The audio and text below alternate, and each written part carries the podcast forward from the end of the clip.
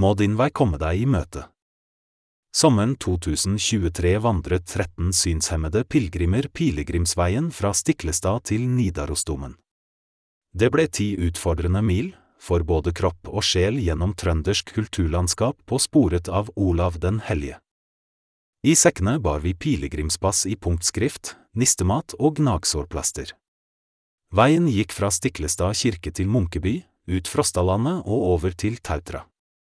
Der ventet nonnene og seildampskipet DS Hansten, som tok oss til Trondheim og pilegrimsmålet Nidarosdomen. I ni dager var vi på vandring. Våre dyktige gøder var prest og kjentmann Kjartan Bergslid og forteller og skuespiller Hildegunn Eggen. Medarrangør var Bakketun folkehøgskole. Tun ble gjennomført med økonomisk støtte fra Damstiftelsen. Vandringen fikk en sterk symbolsk start med Stiklestad-spelet. Der lærte vi om hvordan Olav den hellige også ble en helgenkonge for mennesker med funksjonsnedsettelser.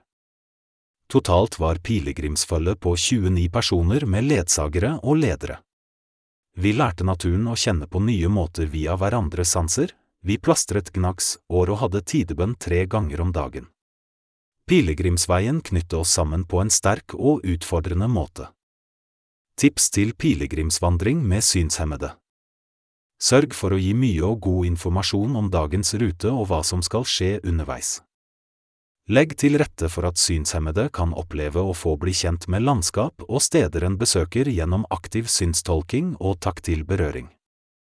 Tilrettelegg pilegrimspass, sanger og annet innhold som skal brukes i punkt og storskrift. Bruk gjerne bambuspinner eller mobilitetsstokk som ledsagerverktøy begge kan holde i. Det gir mindre slitasje på ledsager og kan være mer bekvemt på den som er synshemmet. Bli kjent med løypa og gi god informasjon om hva slags landskap og terreng dere går i. Ta tid til å bearbeide opplevelsen, det som oppleves med færre sanser kan bli veldig intenst.